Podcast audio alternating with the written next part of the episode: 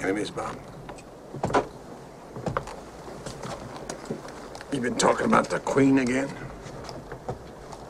On Independence Day?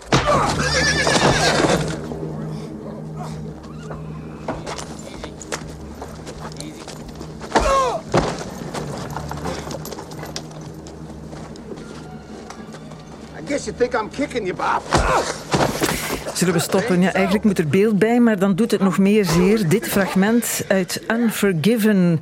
Een western die heel kort samengevat gaat over mannen die op gewelddadige wijze wraak nemen voor andere gewelddadige dingen. De mannen heten Clint Eastwood en Morgan Freeman. En een brutale sheriff moet in dat soort films ook een rol hebben. Die wordt gespeeld door Gene Hackman. Het fragment wordt getoond in een lessenreeks die in de gevangenis van Leuven wordt gegeven aan gevangenen. Die gevangenen volgen samen de les met mensen van buiten, vrije mensen dus. En over die opleiding staat vandaag een stuk in de Standaard Weekblad.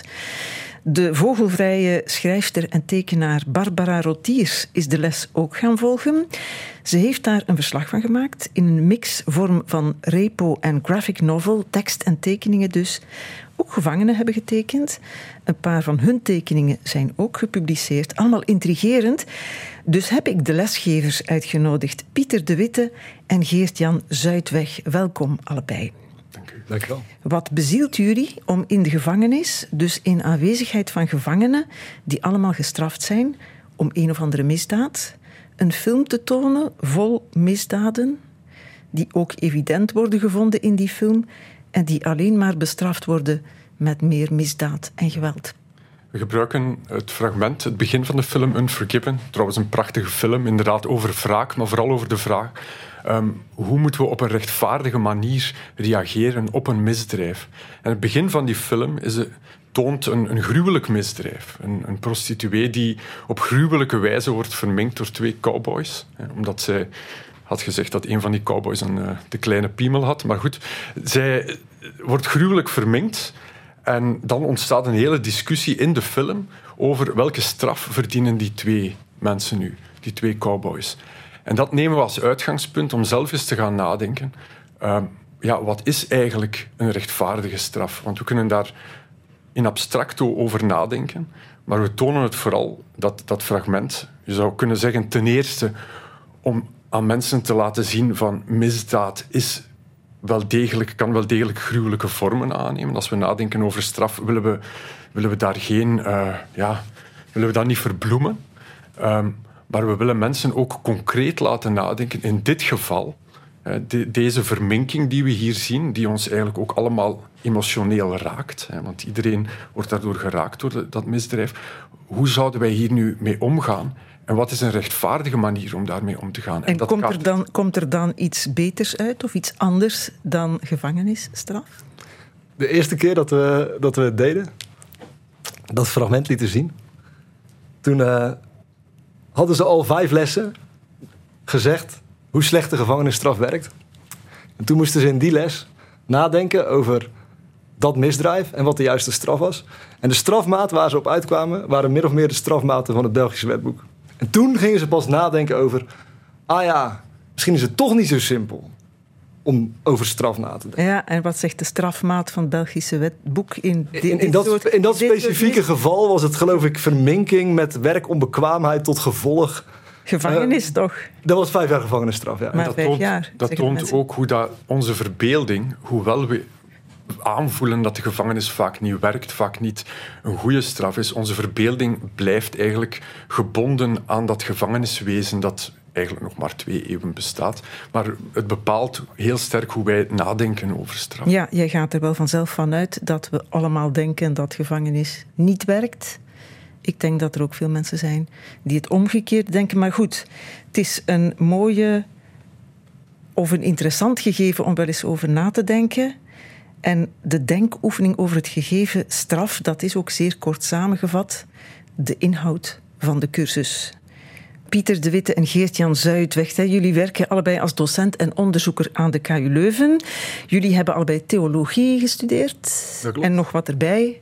Filosofie en zo. Jullie hebben lang gestudeerd. Jullie zijn ook allebei aalmoezenier in Leuven.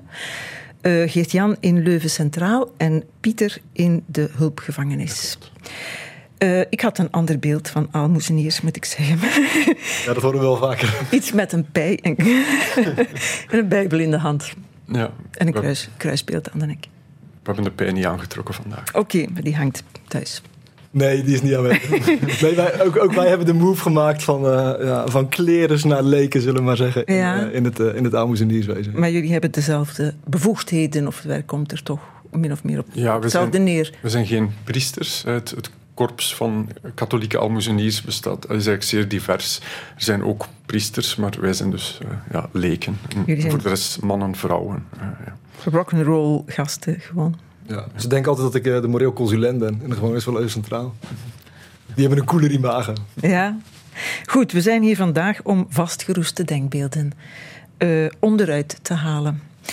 Uh, volgend vastgerust idee dat je mensen in de gevangenis en mensen buiten de gevangenis goed van elkaar gescheiden moet houden. Met behulp van dikke muren en tralies en sloten en grendels. Want de enen hebben de anderen wat aangedaan. En het is niet de bedoeling dat ze dat opnieuw doen. Jullie zetten hen samen in één opleiding. Waarom? Ja, wij hadden in onze functie van almoezenier al wel, wat ervaring om mensen samen te brengen. Een van de dingen die we bijvoorbeeld doen is uh, in sommige gevangenissen gespreksgroepen organiseren waarbij mensen van buiten en mensen van binnen een aantal avonden gaan samenzitten. Um, omdat wij ook en dat is eigenlijk het, de voornaamste taak van almoezeniers, heel veel gesprekken hebben met gedetineerden, hadden wij vastgesteld dat heel veel gedetineerden heel interessante meningen hebben over de gevangenisstraf. Eigenlijk zijn um, gedetineerden ook een beetje criminologen en filosofen die nadenken over straf. Ervaringsdeskundigen. Ervaringsdeskundigen, maar zelfs meer dan dat. Mensen die, die, die ook goed kunnen reflecteren vaak over ze de situatie ook veel waar tijd, ze zelf veel tijd om te reflecteren. Precies. Ja. En we dachten dat het interessant was om dat, dat idee van die gespreksgroepen um, ook eens op een academisch niveau verder te zetten. In het kader van een vak, echt een, een vak aan de universiteit. En gewoon ja, de twee met elkaar ja, in één ruimte te zetten, les te geven en heel uitgebreid met elkaar te gaan discussiëren. Ja, maar niet de ene over de andere dan. Nee, dat, is, dat, is, dat, is, dat is het hele punt. We zijn op zoek gegaan naar een format waarbij allebei de groepen wat aan elkaar hebben.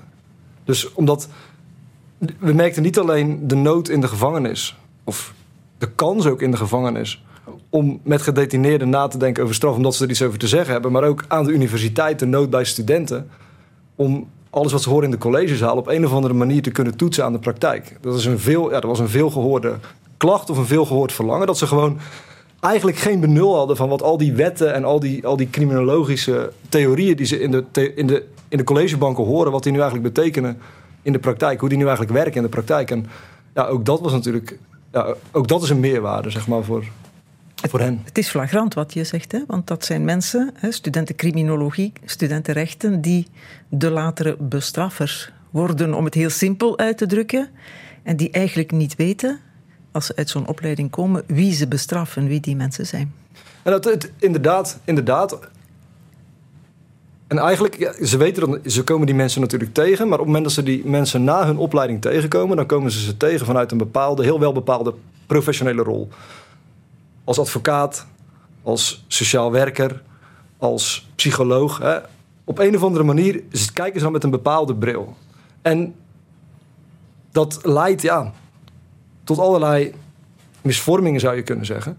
En om dat te voorkomen, dachten wij, hè, of om in ieder geval het besef te laten doordringen bij de studenten dat het ook gewoon mensen zijn waar ze mee te maken hebben, dachten we als we ze nou gewoon eens samenbrengen met elkaar, dan hebben ze toch minstens die, die ervaring al een keer gehad. Die ervaring van gewoon als medestudent eigenlijk te spreken met iemand in detentie.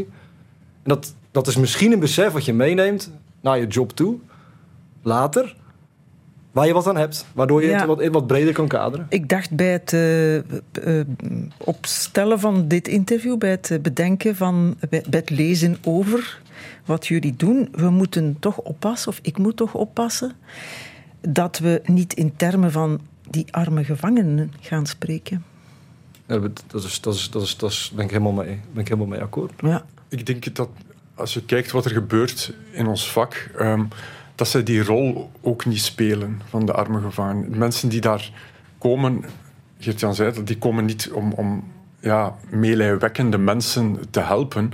Uh, wat, wat vooral belangrijk is, ehm, en dat is cruciaal voor ons, dat is onze hele filosofie van ons vak, dat wij op voet van gelijkwaardigheid met elkaar in gesprek gaan. En is dat mogelijk?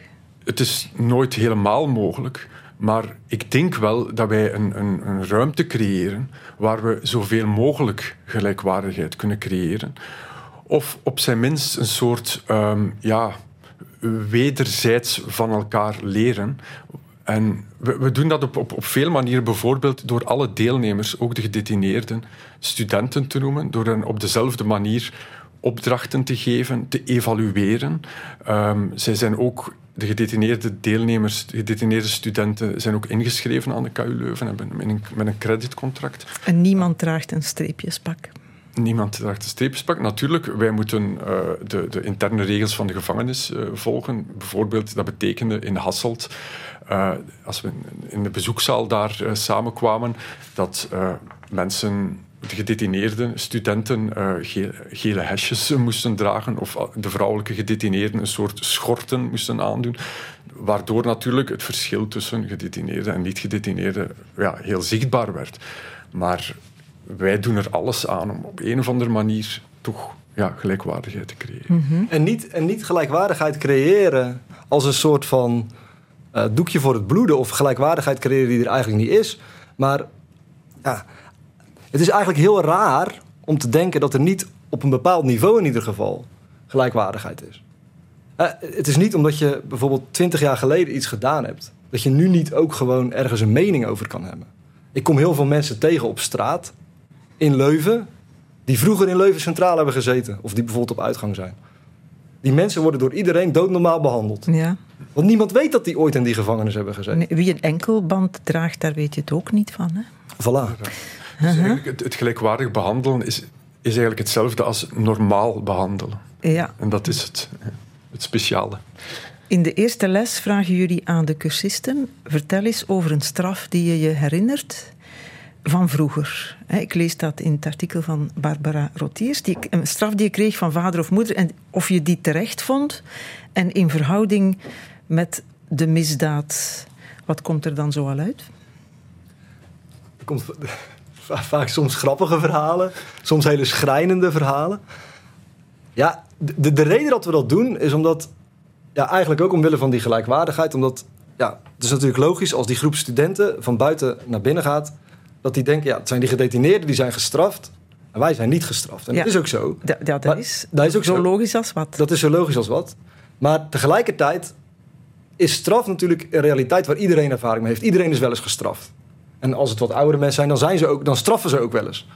En om op die manier een soort van gedeelde ervaring te hebben, Ja, ja, ja. waardoor je samen kan nadenken over ja, wat betekent dat nou eigenlijk straf? Ja, dan is het goed om eens na te denken over hoe het eigenlijk allemaal is begonnen. Of een straf die je bijvoorbeeld pakkend vond. Een straf die, die, die, ehm, die, die je echt iets heeft geleerd. Of een straf die je echt volledig onrechtvaardig vond. Maar het principe straf wordt toch niet in vraag gesteld? Want om dicht bij jullie expertise als aalmoezenier te blijven, Wel- haal ik de Bijbel erbij. Lucas, hoofdstuk 17. Mensen die anderen overhalen om slechte dingen te doen, zullen worden gestraft. Ja.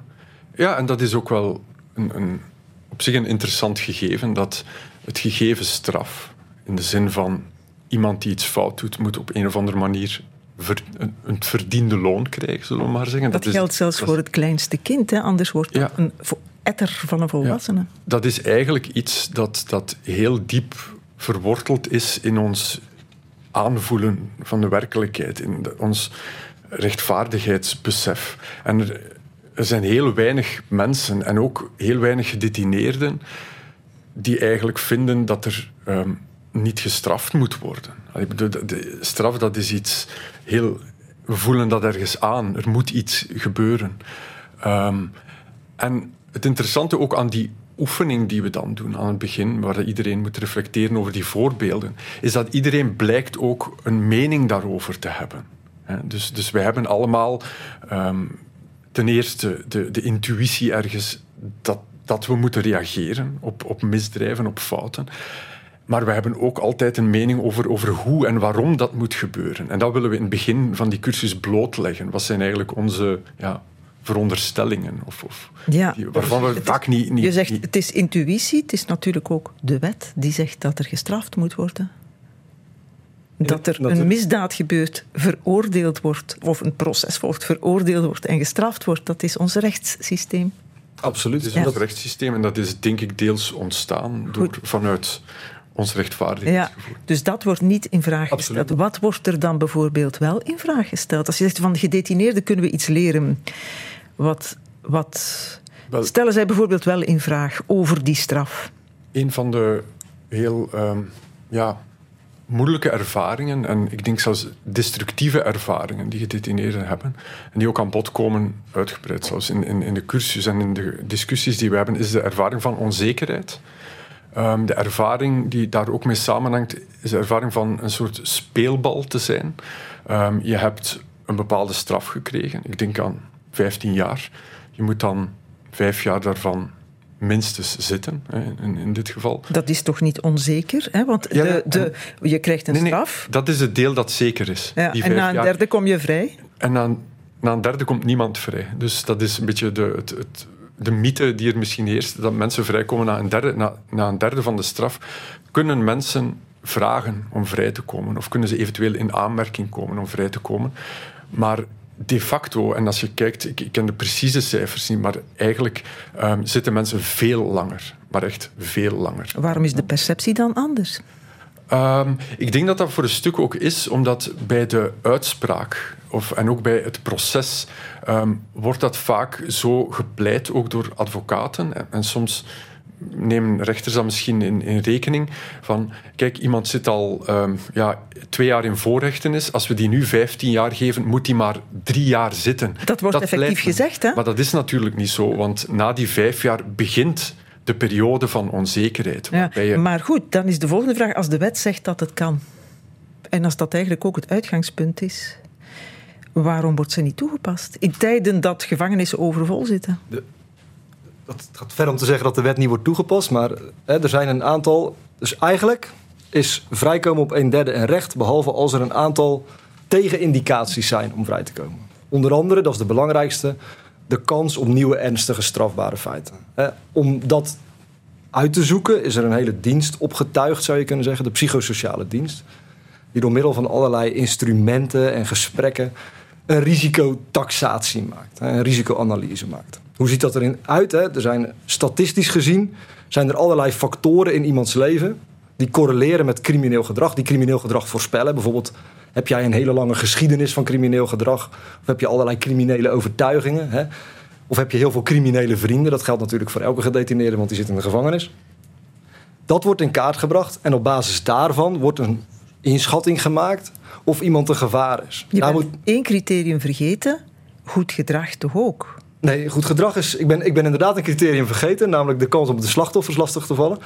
Ehm, dat is een criterium, maar goed gedrag is eigenlijk geen criterium. Niet of nauwelijks. Dus of je je best doet in de gevangenis om je aan de regels te houden en om inzicht in je daden te vertonen, dat doet er eigenlijk niet toe, zeg je. Goed gedrag in de zin van. Ja, eigenlijk niet. Het korte antwoord is niet. Het, het lange antwoord is dat als je een heel slecht detentieparcours loopt, dat dat heus wel eens gebruikt zal worden om negatief advies te geven. Maar het is geen tegenindicatie. Waarom niet? Omdat gedrag in de gevangenis eigenlijk geen toekomstig crimineel gedrag voorspelt. Sterker nog, er zijn ook psychologen die, die gedetineerden die zich te goed gedragen, eigenlijk, die, dat is eigenlijk verdacht. Want als je je restloos kan aanpassen aan een systeem wat zo, ja, in zekere zin oppressief is als de gevangenis, dan moet je wel bijna een psychopaat zijn. Ah ja, dus is dat wat je bedoelt met de onzekerheid? Hè, de wet zegt dit, maar eigenlijk weet je het niet. Je weet het eigenlijk niet. En, en we hebben een neiging in ons strafrechtssysteem om die onzekerheid alleen maar groter te maken. Naast de straf is er ook nog de mogelijkheid van een bijkomende straf. Dat heet TBS, ter beschikkingstelling van de strafuitvoeringsrechtbank. Wordt vaak gebruikt voor zedendelicten of voor geweldsdelicten, zware geweldsdelicten. En dat is bijvoorbeeld een periode van nog eens 10 jaar die je dan krijgt bovenop je straf. Dus stel dat je die 15 jaar hebt gekregen, waar Pieter het net over heeft, dan kun je daar ook nog eens 15 jaar plus 10 jaar TBS krijgen. Dan weet je dat je 5 jaar mag zitten Maar dan is er een onzekerheidsperiode van 20 jaar waarin je misschien al Ja, of niet vrijkomt. Maar dat is voor de veiligheid van de mensen buiten toch. En Ja. eh, je moet de maatschappij toch ook beschermen. Je moet mensen van buiten zelfs ook begrijpen. Toch, hè? Ja. Die niet in de gevangenis zitten, die een fijn leven hebben, die een paar jaar geleden bijvoorbeeld op de radio dit hoorden. De discussie zit nu vooral bij de dader, die al twee keer eerder werd veroordeeld voor verkrachting. Laatste veroordeling begin 2017. Ging in beroep tegen zijn straf. En die zaak zou over een maand voorkomen, maar was intussen wel vrij. En dat is iets dat weinig mensen begrijpen. Wat vindt u daarvan?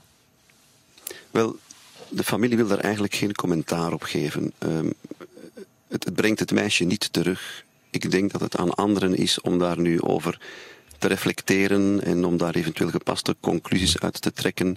Maar we hebben de zeer bewuste keuze gemaakt om daar zelf van onze kant uit geen commentaar op te geven. Ja, ik moet dat even plaatsen. Dat was een paar dagen na de moord op Julie van Espen, de advocaat van haar ouders. John Maas zat in de ochtend bij Xavier Taverne. En er was een hele discussie over de kans op recidive van die dader, hè, die alles veroordeeld was. Ik denk zelfs een paar keer. eh, voor verkrachting, onder andere. Die was in afwachting van zijn aanhouding vrijgelaten. Steve Bakelmans heette die.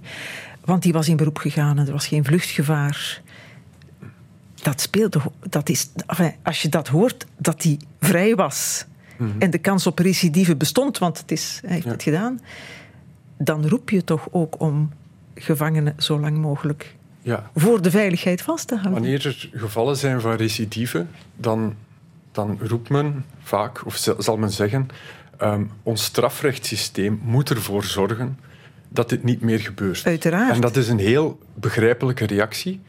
Ehm, maar dat, het zou wel eens kunnen ehm, dat, die, dat die reactie ehm, verkeerde verwachtingen wekt rond wat ons strafrechtssysteem kan doen. En wel om verschillende redenen. Ten eerste omdat de risicotaxatie waarover Geert-Jan sprak, het inschatten van is iemand gevaarlijk of niet, is ongelooflijk onbetrouwbaar. Spectaculair onbetrouwbaar. Je Dus had daar zeggen- toch een paar goede parameters hè, van Ja. voorgeschiedenis. Hoe vaak al, hoe vaak hervallen. Ja, er zijn, er zijn een aantal parameters. ehm, maar dat gaat natuurlijk altijd over statistiek. En in de concrete realiteit is het zo dat menselijk gedrag, en dat is het fundamentelere probleem, wezenlijk onvoorspelbaar is. Ik, ik, wil er wel, ik toch een kanttekening. Ik de, de kanttekening om, die ik erbij wil plaatsen is dat op het moment dat die risicotaxatie-instrumenten juist worden gebruikt, dan zie je dat ze het in 75 tot 75, 65 tot 75 procent van de gevallen juist hebben. Dat is beter dan het opgooien van een muntje. Als je een muntje opgooit om te weten of iemand nog een nieuw strafbaar feit gaat plegen, heb je het in de helft van de gevallen juist. Dus ze doen het, ze doen het beter als ze juist worden gebruikt. Maar de manier waarop ze hier in België worden gebruikt, geeft geen enkele reden om te denken dat we aan die 65 of 75 procent geraken. En dan zitten we nog maar aan 65, 75 procent. Dan heb je nog, nog die mensen waarbij het verkeerd in Ja, maar wat is de conclusie van deze gedachtegang? Wel, ik denk dat de conclusie is, en misschien is dat een beetje ehm, gaat een beetje in tegen de spontane reactie, is misschien dat we het strafrechtssysteem zoals we dat hebben, dat we dat misschien minder verwachtingen naartoe moeten hebben op, op, op niveau van veiligheid.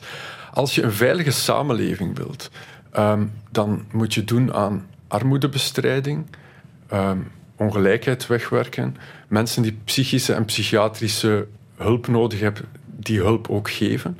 Maar het idee dat we ehm, door ons strafrecht een veilige samenleving zouden kunnen ehm, realiseren, dat is eigenlijk een beetje een illusie. En, en, en het, het, gevolg is, het gevolg van die illusie is dat we steeds maar meer draconische maatregelen zullen nemen, omdat we hopen dat we ergens op een nulrisico zullen uitkomen.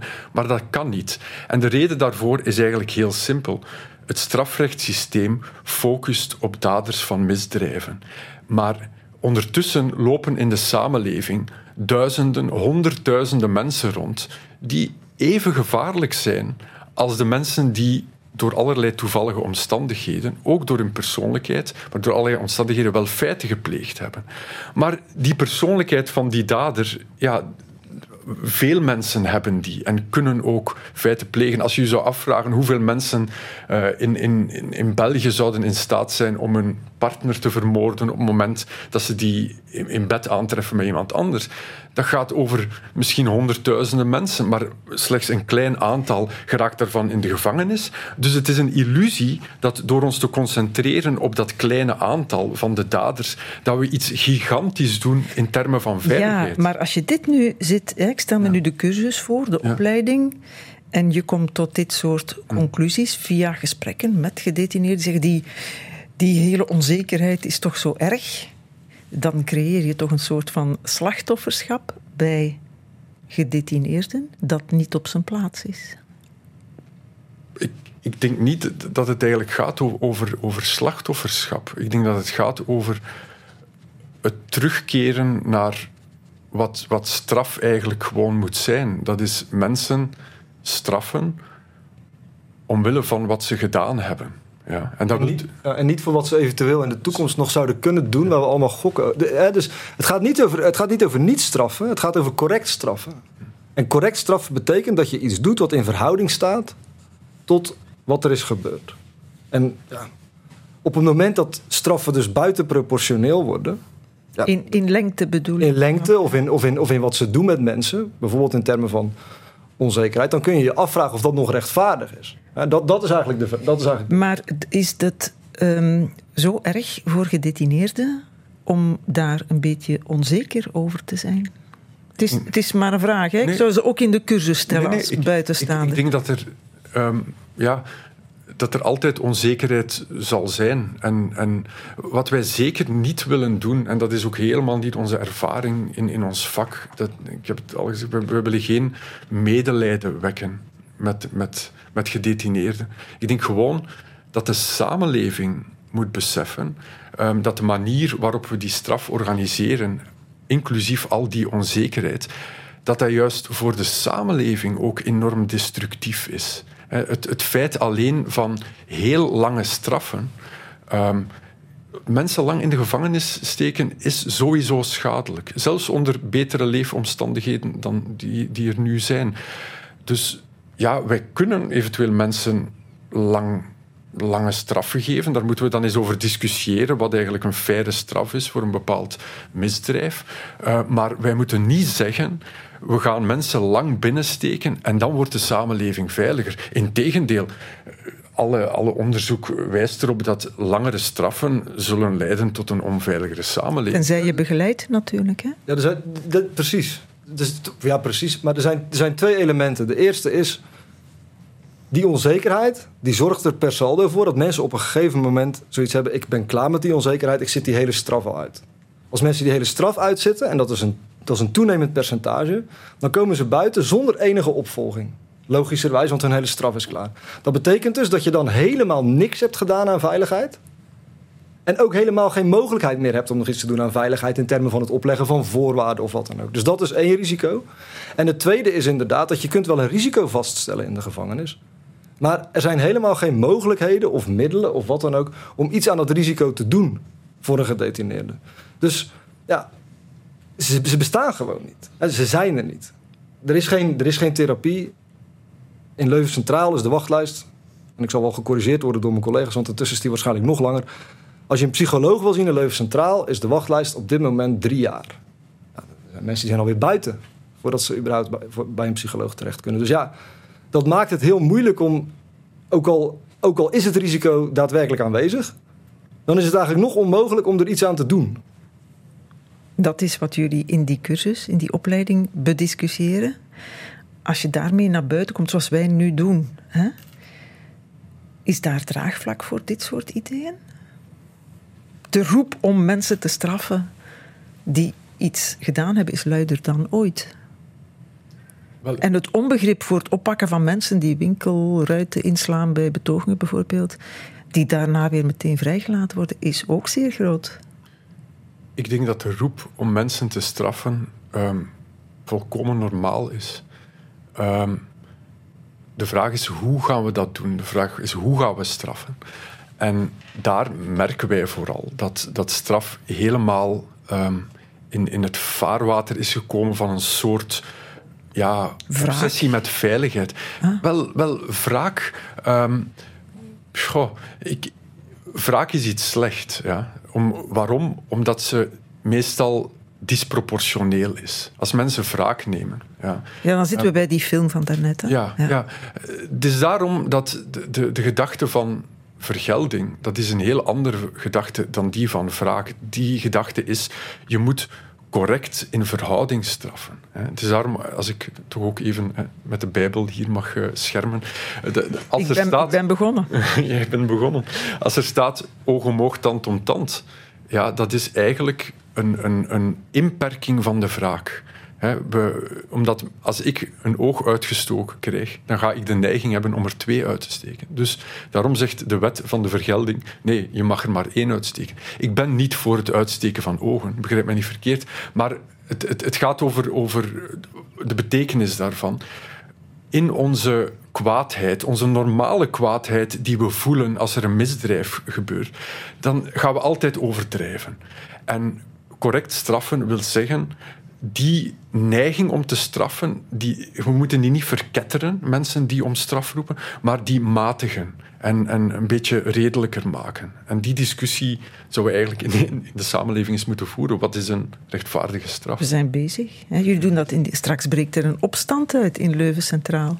Nou, die, in de jaren zeventig is er ooit eens een opstand geweest in Leuven Centraal. Maar de, de gedetineerden tegenwoordig zijn een stuk minder politiek dan de gedetineerden 50 jaar geleden. Dus daar ben ik niet zo bang voor. Maar ze is- volgen wel cursussen. Dat is waar. Maar Ja. samenzwering is eh, strafbaar in de gevangenis. En dan is de opleiding gedaan. Semester voorbij. Gevangenen hebben hun gedacht kunnen zeggen en mensen van buiten ook. En dan? Wat is de zin geweest, achteraf bekeken? Want je kan wel filosoferen en fantaseren over straf en hoe het beter zou kunnen. Maar goed, Ja, we zijn er wel veel mee bezig met die vraag. Van, van, en, en ook de studenten, en zeker ook de gedetineerde studenten, stellen ons die vraag dan. Van, wat gaat daar nu mee gebeuren? Hè? En, eh, het eerste jaar dat we het organiseerden, hadden we samen met, eh, met heel die studentengroep, gedetineerde en niet-gedetineerde studenten, een soort manifest geschreven. Een soort eh, ja, tekst van dit is ons idee over de gevangenisstraf naar buiten gebracht, overhandigd aan toen nog minister Koen Geens. Men heeft het zelfs, denk ik, eh, bediscussieerd in de Kamercommissie eh, Justitie. En dan voel je je natuurlijk ehm, ja, ergens fier, maar terzelfde tijd ehm, is doorheen de jaren, denk ik, bij ons ook wel het, eh, het besef gegroeid van het is een heel weerbarstig systeem. eh, eh, het, het systeem van, van, van de gevangenis, van, van, van justitie. en, en ja, het is niet omdat je daar goede ideeën over hebt of, of een, een beter inzicht in krijgt, ehm, ja, dat het allemaal verandert. Dus, dus soms goed, ergens blijven we op onze honger ook Ja, want wat is bijvoorbeeld een goed voorbeeld in theorie? Ja, jullie hebben er al genoemd van hoe het beter kan, betere begeleiding. Maar in de praktijk lukt dat dan niet? Dat is, dat is één voorbeeld. Een ander voorbeeld is ja, alternatieven. Dat is dat bijvoorbeeld, en die zijn er. Hè. Bijvoorbeeld elektronisch toezicht, daar is ook van alles over te zeggen. Of detentiehuizen, hè, dus kleinschalige vormen van detentie. De minister van Justitie zet daar nu na jarenlang ehm, lobbywerk van, van VZ Tweede Huizen, zet, zet de minister daar nu op in. Dat zijn inderdaad waardevolle alternatieven, zeker in theorie. Maar in de praktijk, als je bijvoorbeeld kijkt in de praktijk naar elektronisch toezicht, dat is ooit bedacht om ervoor te zorgen dat er minder gedetineerden zouden zijn. Per saldo zijn er nu evenveel gedetineerden, plus nog x aantal mensen, duizenden mensen onder elektronisch toezicht. Dan kun je meer mensen straffen. Je, je hebt, het gaat niet eens zozeer denk ik om meer mensen straffen, maar het gaat om meer controle. Als je iemand kan vrijlaten onder voorwaarden. En je kunt iemand ook vrijlaten met een bandje. Dan ga je kiezen voor het bandje, want dat geeft meer controle dan vrijlaten onder voorwaarden. Dus in die zin creëren al die alternatieven ook mogelijkheden om ja, het justitiesysteem eigenlijk maar uit te blijven breiden en die controle ook maar uit te blijven breiden. Maar als, als de praktijk zo moeilijk is. Hè? Er zijn twee groepen die aan de cursus hebben deelgenomen. Eerst die studenten, hè? De, de mensen van buiten bedoel ik. Want ik zeg nu eigenlijk, die gevangenen zijn geen studenten, heb ik niet gezegd, dat trek ik terug. De rechte studenten, de criminologen in wording, die de opleiding volgen. Hebben die daar dan iets aan later? in hun beroepsleven. Jullie hebben deelnemers geïnterviewd ook achteraf, Ja. dat op film gezet of eh, gefilmd. En eh, ik laat één student horen, ze heeft het opgeschreven, wat de opleiding voor haar betekende, en ze leest het voor. Dit vak maakte voor mij duidelijk hoe ik aan de KU Leuven al vier jaar veilig in mijn warme aula zit. Hoe ik al vier jaar spreek over delinquenten, zonder ook maar één keer echt met een mens van vlees en bloed gesproken te hebben. Het was als het ware een wake-up call. Kom toch naar buiten, spreek toch met mensen, ga toch samen zitten. Alleen in die ontmoeting kunnen we elkaar ooit echt begrijpen. Hoe kan het dat alle gastsprekers onderzoekers of academici zijn? Hoe komt het dat ik nog nooit echt in contact ben gekomen met de personen waar ik elke dag zogezegd iets over zou bijleren? Dat is alsof een chirurg tijdens zijn hele opleiding nog nooit een scalpel van dichtbij zou hebben bekeken. En eerlijk, in zijn handen zou ik mijn lot liever niet leggen. Het raakte mij omdat ik met mijn neus op de feiten gedrukt werd. Wij houden geen rekening met jullie in de vrije samenleving. Jullie krijgen geen stem. De straf, hè, wat ze zegt. Je studeert in een richting waarin je je verdere leven met gevangenen zult werken. Je hebt er nooit één ontmoet. Wat zegt dat over de rechte opleiding? Wel, ik, ik denk dat we niet, per se daar een kritiek van moeten maken op de, de bestaande opleidingen. Wij merken zelf bij de organisatie van het vak hoe moeilijk het is om, om zo'n vak bijvoorbeeld op te schalen naar, naar, en het aan te bieden aan veel grotere groepen studenten. Dat is, dat is bijna niet mogelijk, juist omdat je in die, in die, ja, die, je hebt die setting nodig van kleine groepen om, om echt intens met elkaar in discussie te gaan. Dus ik denk dat het bijna onvermijdelijk is dat, dat een opleiding waar, waar vele honderden mensen aan deelnemen. Ja, maar als je sommige advocaten ziet, en ik spreek nu voor mijzelf, op de tv bijvoorbeeld, dan vraag je je wel af of die echt bezig zijn met wat het beste is voor de maatschappij of wat het beste is voor hun eigen airplay. Dit zal niet. Ja, dat, dat is nogal logisch. Als je, Ja, ja, kijk, wij horen natuurlijk ook binnen veel verhalen over, eh, over advocaten. En dat zijn niet altijd extreem positieve verhalen. Ja, maar goed, ja, zo zal het er niet op veranderen. Ik, omdat de tijd eh, kort is en eh, we het toch ook nog over de andere groep cursisten moeten hebben. De gedetineerden. Hè, wat hebben die er aan? Daar zie, je, daar zie je eigenlijk twee. Je ziet daar eigenlijk. Je zou kunnen zeggen, er, gebeuren, er gebeurt iets dubbels. Er gebeuren twee dingen tegelijkertijd. Aan de ene kant is het voor heel veel gedetineerden een eye-opener, omdat ze bijvoorbeeld voor het eerst horen dat er überhaupt een wet is die regelt hoe hun, wat hun rechten zijn binnen de gevangenis. En dat ze überhaupt erachter komen wat die rechten zijn. En dat geeft ze. Dat is empowering. Dat zorgt ervoor dat ze steviger in hun schoenen staan. Dat ze beter weten wat er aan de hand is. Aan de andere kant zorgt het er natuurlijk ook soms voor dat gedetineerden zich eigenlijk pijnlijker bewust worden van het feit dat ze in een, in een, in een systeem zitten waar die rechten eigenlijk in de praktijk vaak niet gelden. Dus ja, dat Of die ze niet kunnen afdwingen die- in elk geval. Of die moeilijk afdwingbaar zijn. Ook daar worden stappen gemaakt. Intussen zijn er klachtencommissies in de gevangenissen... waardoor beslissingen van de directie kunnen worden aangevochten. Of dat helemaal een goede ontwikkeling is, eh, dat weet ik ook niet. Maar in ieder geval, hè, er wordt wel aan gewerkt... om dat te proberen eh, afdwingbaar te maken. Maar heel vaak blijft dat een, een, blijft dat een pijnlijke realiteit. Ja, dat, ja, pijnlijk is het goede woord. Wel, hè? Maar ja, dat is het. De straf is pijnlijk. Hè? Straf is iemand anders pijn doen... omdat hij iemand anders pijn heeft gedaan. Ja, maar dit gaat niet over straf. Dit gaat over een cursus geven waardoor het inzicht het nog pijnlijker maakt. Soms. Soms. Ja, dat is dan toch... Zo ga je toch ook niet blij naar huis? Jullie? maar de realiteit is ook niet noodzakelijk om blij van te worden. En, en ik denk dat onderwijs en academisch onderwijs ook gaat, om, gaat over ehm, ons te confronteren met de realiteit. En wij merken dat zelf ook ehm, ja, op het einde van de cursus bijvoorbeeld. Hè. Dan, eh, dan zien we dat ja, natuurlijk iedereen... En dat is ook dus de realiteit, hè, dat iedereen terug naar de eigen rol gaat. We hebben weliswaar die ruimte gecreëerd om, om zoveel mogelijk gelijkwaardig en, en, en, en te reflecteren over, over straf. En, en, en dat, dat is een heel intense ervaring, dat zien we bij alle deelnemers.